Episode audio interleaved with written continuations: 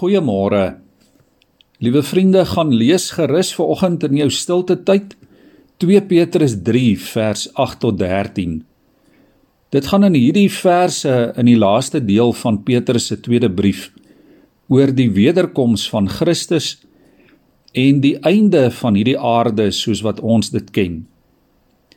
Petrus sê ons weet nie wanneer dit alles gaan gebeur nie. Dit sal skielik gebeur soos wanneer 'n dief onverwags in die nag kom. Die skepping, die hemel, die aarde, die planete sal in vlamme vernietig word om plek te maak vir 'n nuwe skepping, 'n nuwe hemel en aarde waar die wil van God sal regeer.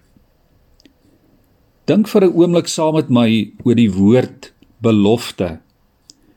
Ons as mense is nie altyd goed om beloftes of voornemens te hou nie. Soms is ons ongeërg daaroor. Of dit is dalk net nie vir ons belangrik nie. Ander kere vergeet ons wat ons beloof en wat ons voorgenem het om te doen. Of ons kom ons beloftes net gedeeltelik na. Of daar is dalk allerlei verskonings. Vanoggend kan ons weet dat God nie so is nie. Vers 9 sê God stel nie die vervulling van sy beloftes uit nie. En vers 13 God het 'n nuwe hemel en 'n nuwe aarde beloof. Hoor ons dit vanmôre. God het beloof dat hy alles nuut sal maak. God sal sy beloftes op sy regte bestemde tyd nakom. Vir ons mag dit dalk voel of God uitstel en uitstel en uitstel. Of dalk is ons bekommerd, ons wonder sê nou maar net dit gebeur môre of oormôre. Die vraag is wat gebeur intussen? Hoe moet jy en ek intussen leef?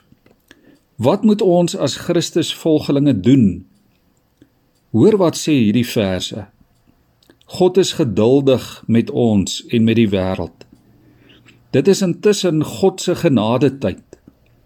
God wil nie hê een enkele mens op hierdie aarde moet sterf sonder Christus nie. En hierdie verse roep ons op om intussen meer heilig en meer toegewyd aan God te lewe. Petrus sê ons moet ons beywer vir die dag van die Here.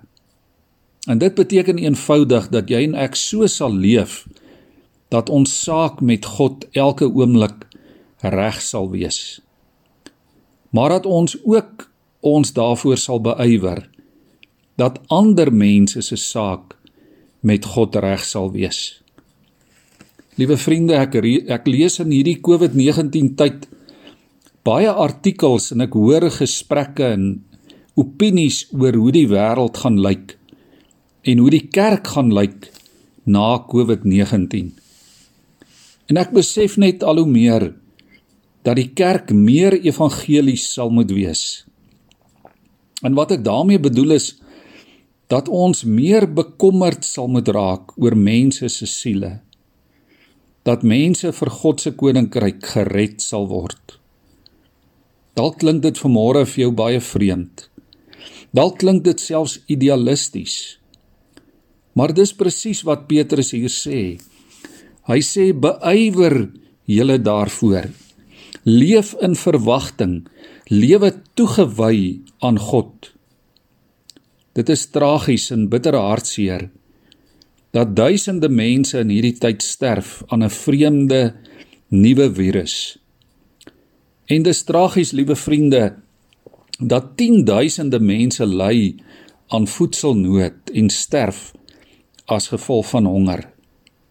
Rondom ons in hierdie wêreld sterf mense weens kanker, HIV, Ebola, ook in oorloë, in bende geweld, in gesinsgeweld, in moord.